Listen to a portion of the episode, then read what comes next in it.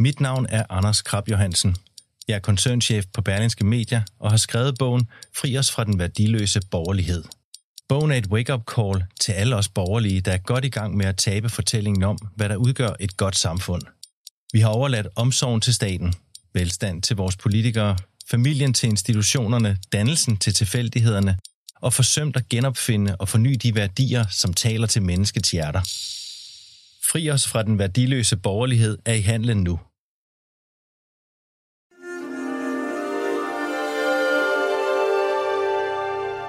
Her kommer en artikel fra Weekendavisen.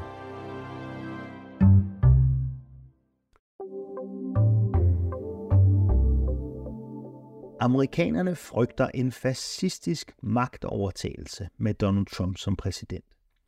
Men måske skygger det belastede ord for, hvad der i virkeligheden kunne være på vej, og hvorfor det kommer.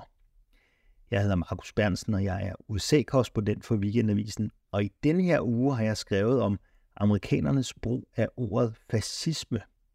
Det er en artikel, som har fået overskriften Det amerikanske Hitlerkort. Der findes en sortvidighed, som siger, at det er med politiske ideologier som med champagne. De er nødt til at komme fra en bestemt region for at have lov til at kalde sig fascisme. Alt andet er bare museerne tyranni. I USA er der nok ikke mange, der griner af den slags i øjeblikket. I de seneste uger har Donald Trump lagt afstand til Joe Biden i meningsmålingerne, og F-ordet, fascisme, er alle vejen. Man kan se det på omslag til bøger som Fascism in America, hvor frihedsgudinden gør nazisalut med strakt arm. Man kan høre det på tv, hvor en vært på kanalen MSNBC forleden konstaterede, at Donald Trump stiller op som præsident på en fascistisk platform. Man kan læse det i tidsskrifter som The New Republic, der konkluderer om Trumps valgkampagne, at det er stadig fascisme, bare værre. Som altid bliver medier i andre lande inspireret af amerikanerne. Det tyske magasin Stern har også haft en hejlende Donald Trump på forsiden, og for nylig forsynede det meksikanske tidsskrift Letras Libres ham med et Hitler-overskæg, der ved nærmere eftersyn var dannet af ordene fascista americano, amerikansk fascist. Journalister behøver ikke lede længe efter kilder til at underbygge vinklen. Fremtrædende historikere og samfundsforskere stempler gerne Trump og hans støtter som fascister. Den amerikanske Yale-historiker Timothy Snyder har ligefrem advaret sine landsmænd om, at de risikerer at ende som de tyskere, der ikke undsag Adolf Hitler i tide. Også herhjemme kan man høre forskere som Mikkel Bolt, professor i politisk æstetik ved Københavns Universitet, karakteriserer Trump som den fascistiske leder. Anklageren er naturligvis vand på Joe Bidens politiske mølle. I sidste uge kom det frem, at præsidenten privat omtaler Donald Trump som en syg stodder, og Bidens kampagnestab forsømmer sjældent en lejlighed til at sammenligne modstanderen med Hitler eller Mussolini. Biden har også anklaget Trump for at bruge, som han sagde, et eko af et sprog, man kunne høre i Nazi-Tyskland i 1930'erne. Trumps retorik er da også blevet mere rabiat i de seneste uger. Han har kaldt sine politiske modstandere for hukkorme og skadedyr og anklaget ulovlige indvandrere for at forgifte nationens blod. Når han samtidig lover at være diktator på sin første dag som præsident, kan man måske ikke bebrejde nogen for at blive sat kortvarigt tilbage til Italien i 1920'erne. Men bag mediespektaklet er folk med forstand på fascisme dybt uenige om, hvad de skal mene om Trump, og mange værer sig ved at bruge F-ordet. Det, de strides om, er i virkeligheden, hvordan man bedst forstår det fænomen, der kunne være på vej tilbage til det hvide hus om mindre end et år. Weekendavisen har talt med en række amerikanske forskere, som deltager i debatten. Og vi begynder også en af dem, der slet ikke er i tvivl. Donald Trump er fascist. Hans retorik, politik og voldsparate markerbevægelse bringer mindelser om de mørkeste kapitler i Europas historie. Det er rimeligt at kalde Trumps bevægelse for fascistisk, fordi den har så tætte paralleller til andre fascistiske bevægelser i historien, siger medieforskeren Brian Hughes, der er medstifter af et forskningscenter for studier af politisk ekstremisme ved American University. Han opremser de mest oplagte fællesnævner. Trump som den stærke, karismatiske mand, der ikke anerkender demokratiske spilleregler.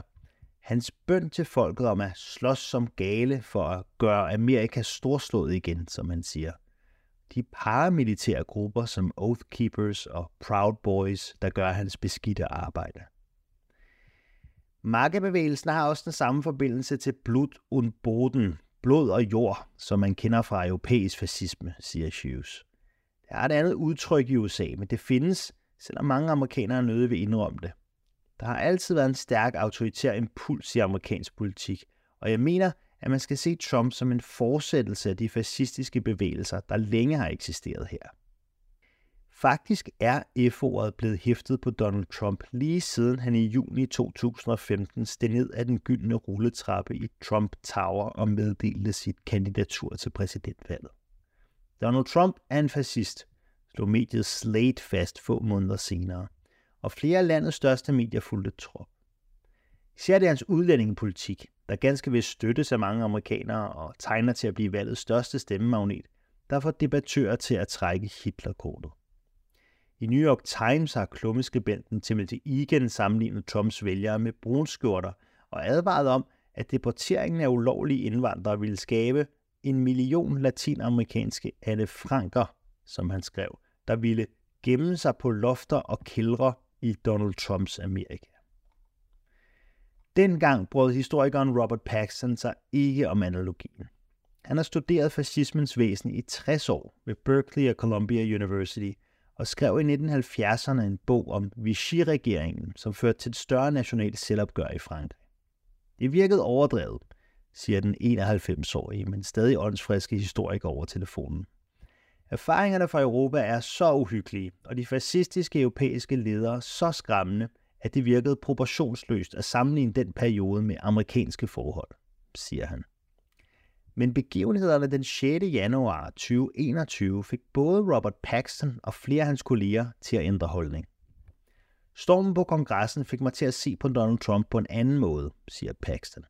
Volden den dag blev betragtet som noget terapeutisk og positivt af Trump og hans tilhængere, og det mener jeg bragte os ind i en nyt farvand. Jeg er stadig ikke fan af at bruge markedet fascisme om ham, og jeg kan ikke se en klar sammenhæng mellem markabevægelsen og Europas fascistiske bevægelser. Men der er områder, hvor de overlapper, og derfor mener jeg i dag, at det giver mening at tale om i hvert fald fascistiske tendenser i amerikansk politik.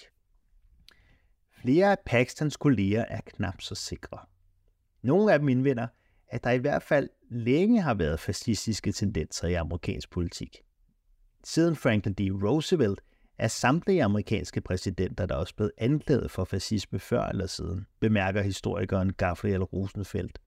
Han er direktør for Center for Jewish History og har skrevet flere bøger om Nazi-Tyskland.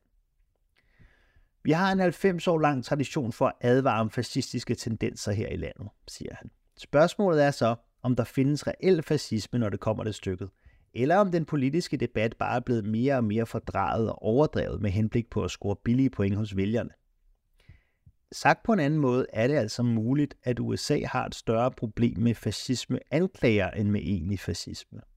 Og at amerikanernes iver efter at kalde hinanden ved F-ordet er et symptom på den polarisering, som begyndte længe inden Donald Trump. Skønt Trump har mange løfter til vælgerne, er en blodig revolution og et raserent tusindårsrige dog ikke blandt dem. Hvis hans første præsidentperiode er nogen rettesnor, er han knap nok i stand til at udpege sin nærmeste rådgiver og koncentrere sig om et emne i mere end 5 minutter ad gangen, for slet ikke at tale om at orkestrere en fascistisk magtovertagelse af centraladministrationen, domstolen og militæret.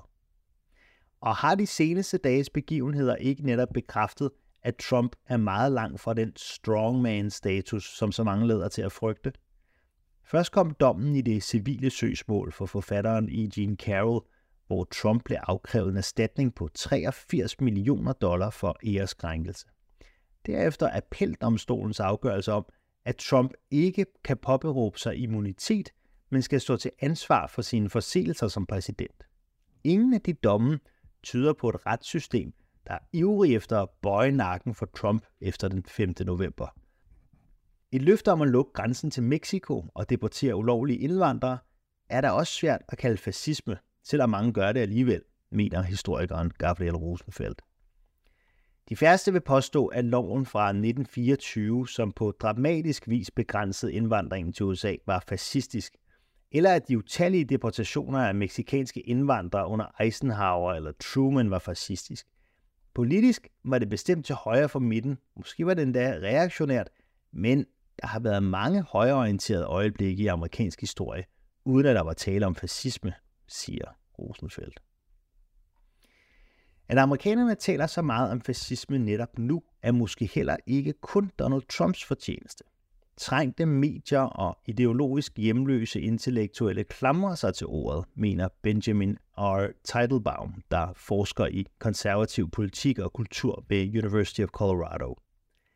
Fascisme er sexet. Det er et bossord, som sælger aviser og bøger og får folk på tv, siger han. Alle vil vide, om fascismen bliver vagt til live igen, og det er meget lettere at få folk til at klikke på en artikel eller et YouTube-klip, hvis der står fascisme i overskrift, siger han. I akademiske kredse finder man også en sjælden selvsikkerhed, når det gælder Donald Trump og fascisme. Og jeg tror ikke, det skyldes et øjeblik af usædvanlig klarhed blandt historikere og samfundsforskere, men at mange, bevidst eller ubevidst, har kasseret deres analytiske briller og valgt at spille en politisk rolle i stedet siger Teitelbaum. Fascismen er også et formidabelt fjendebillede, som kan være svært at slippe, mener historikeren Daniel Bessner fra University of Washington. Jeg tror, at de forskere, der kalder Trump fascist, får mulighed for at definere deres eget arbejde som meningsfuldt i en tid, hvor der ellers ikke er den store interesse for demokrati eller politik, siger han. Det er også forklaringen på, at F-ordet bliver brugt så meget mere om Donald Trump end for eksempel George W. Bush, der ellers skulle have været et oplagt offer, mener Bessner. Den liberale verdensorden er i opbrud. Venstrefløjen savner fjendebilleder, og en fascistisk trussel leverer energi og formål. Og i det fragmenterede demokratiske partis tilfælde også en politisk platform at samle sig på. Det er drevet af følelser, siger Daniel Bessner. Den eneste grund til at importere et europæisk begreb, der slet ikke passer på amerikanske forhold, er muligheden for at kunne sammenligne sig med modstandsbevægelserne under 2. verdenskrig. Men hvis man tillader sig at gøre det i USA anno 2024, så mener jeg faktisk, at man krænker mindet om de mennesker, der døde under kampen med de rigtige nazister. Ikke at der ikke er grund til at frygte et nyt præsidentembede under Donald Trump, siger han. Det er bare ikke fascisme, men noget andet, man bør bare være på vagt for. Elijah Buress har et bud på, hvad det er. Han forsker i fascisme ved Berkeley University og kalder Trump en oplagt aftager til den såkaldte paleokonservative bevægelse, som havde stor indflydelse i 30'ernes USA. Også dengang var bevægelsen imod indvandring og internationale forpligtelser. Ligesom dele af markerbevægelsen var den også gennemsyret af racisme. Men selv henter Trump nok sin inspiration et helt andet sted, mener Buress. Trump er ikke en ideolog. Det er en helt ærlig for uvidende og doven til, siger han.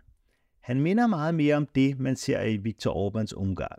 Her forsøger et parti at bemægtige sig medierne, universiteterne, domstolene og valgsystemet gennem lovlige midler, med henblik på at gøre en lille personkreds meget rige. Og det er helt i Trumps ånd. Han stiller op til præsidentvalget for egen vindings skyld, for at holde sig ud af fængslet og for at få retssagerne mod ham til at forsvinde, siger Pires. Og Trumps kritikere gør altså ret i at se mod Europa for at forstå ham, men de bør vende blikket længere mod øst, mener han. Vi er blevet vildledt og forhindret i at stille de rigtige spørgsmål, fordi vi har fokuseret på de ideologiske kampe i forrige århundrede, i stedet for at se på den kamp, der udspiller sig i konservative kredse lige nu, siger Elijah Perez. Højrefløjen udvikler sig i en helt anden retning, end den gjorde i det forrige århundrede. Og jeg tror, at vi i mange lande vil se noget, som mere ligner Narendra Modis Indien eller Viktor Orbans Ungarn. Det er skrækscenariet, hvis du spørger mig. Ikke at USA ender som Tyskland anno 1938, men som Ungarn i dag. Og det burde egentlig være skræmmende nok i sig selv.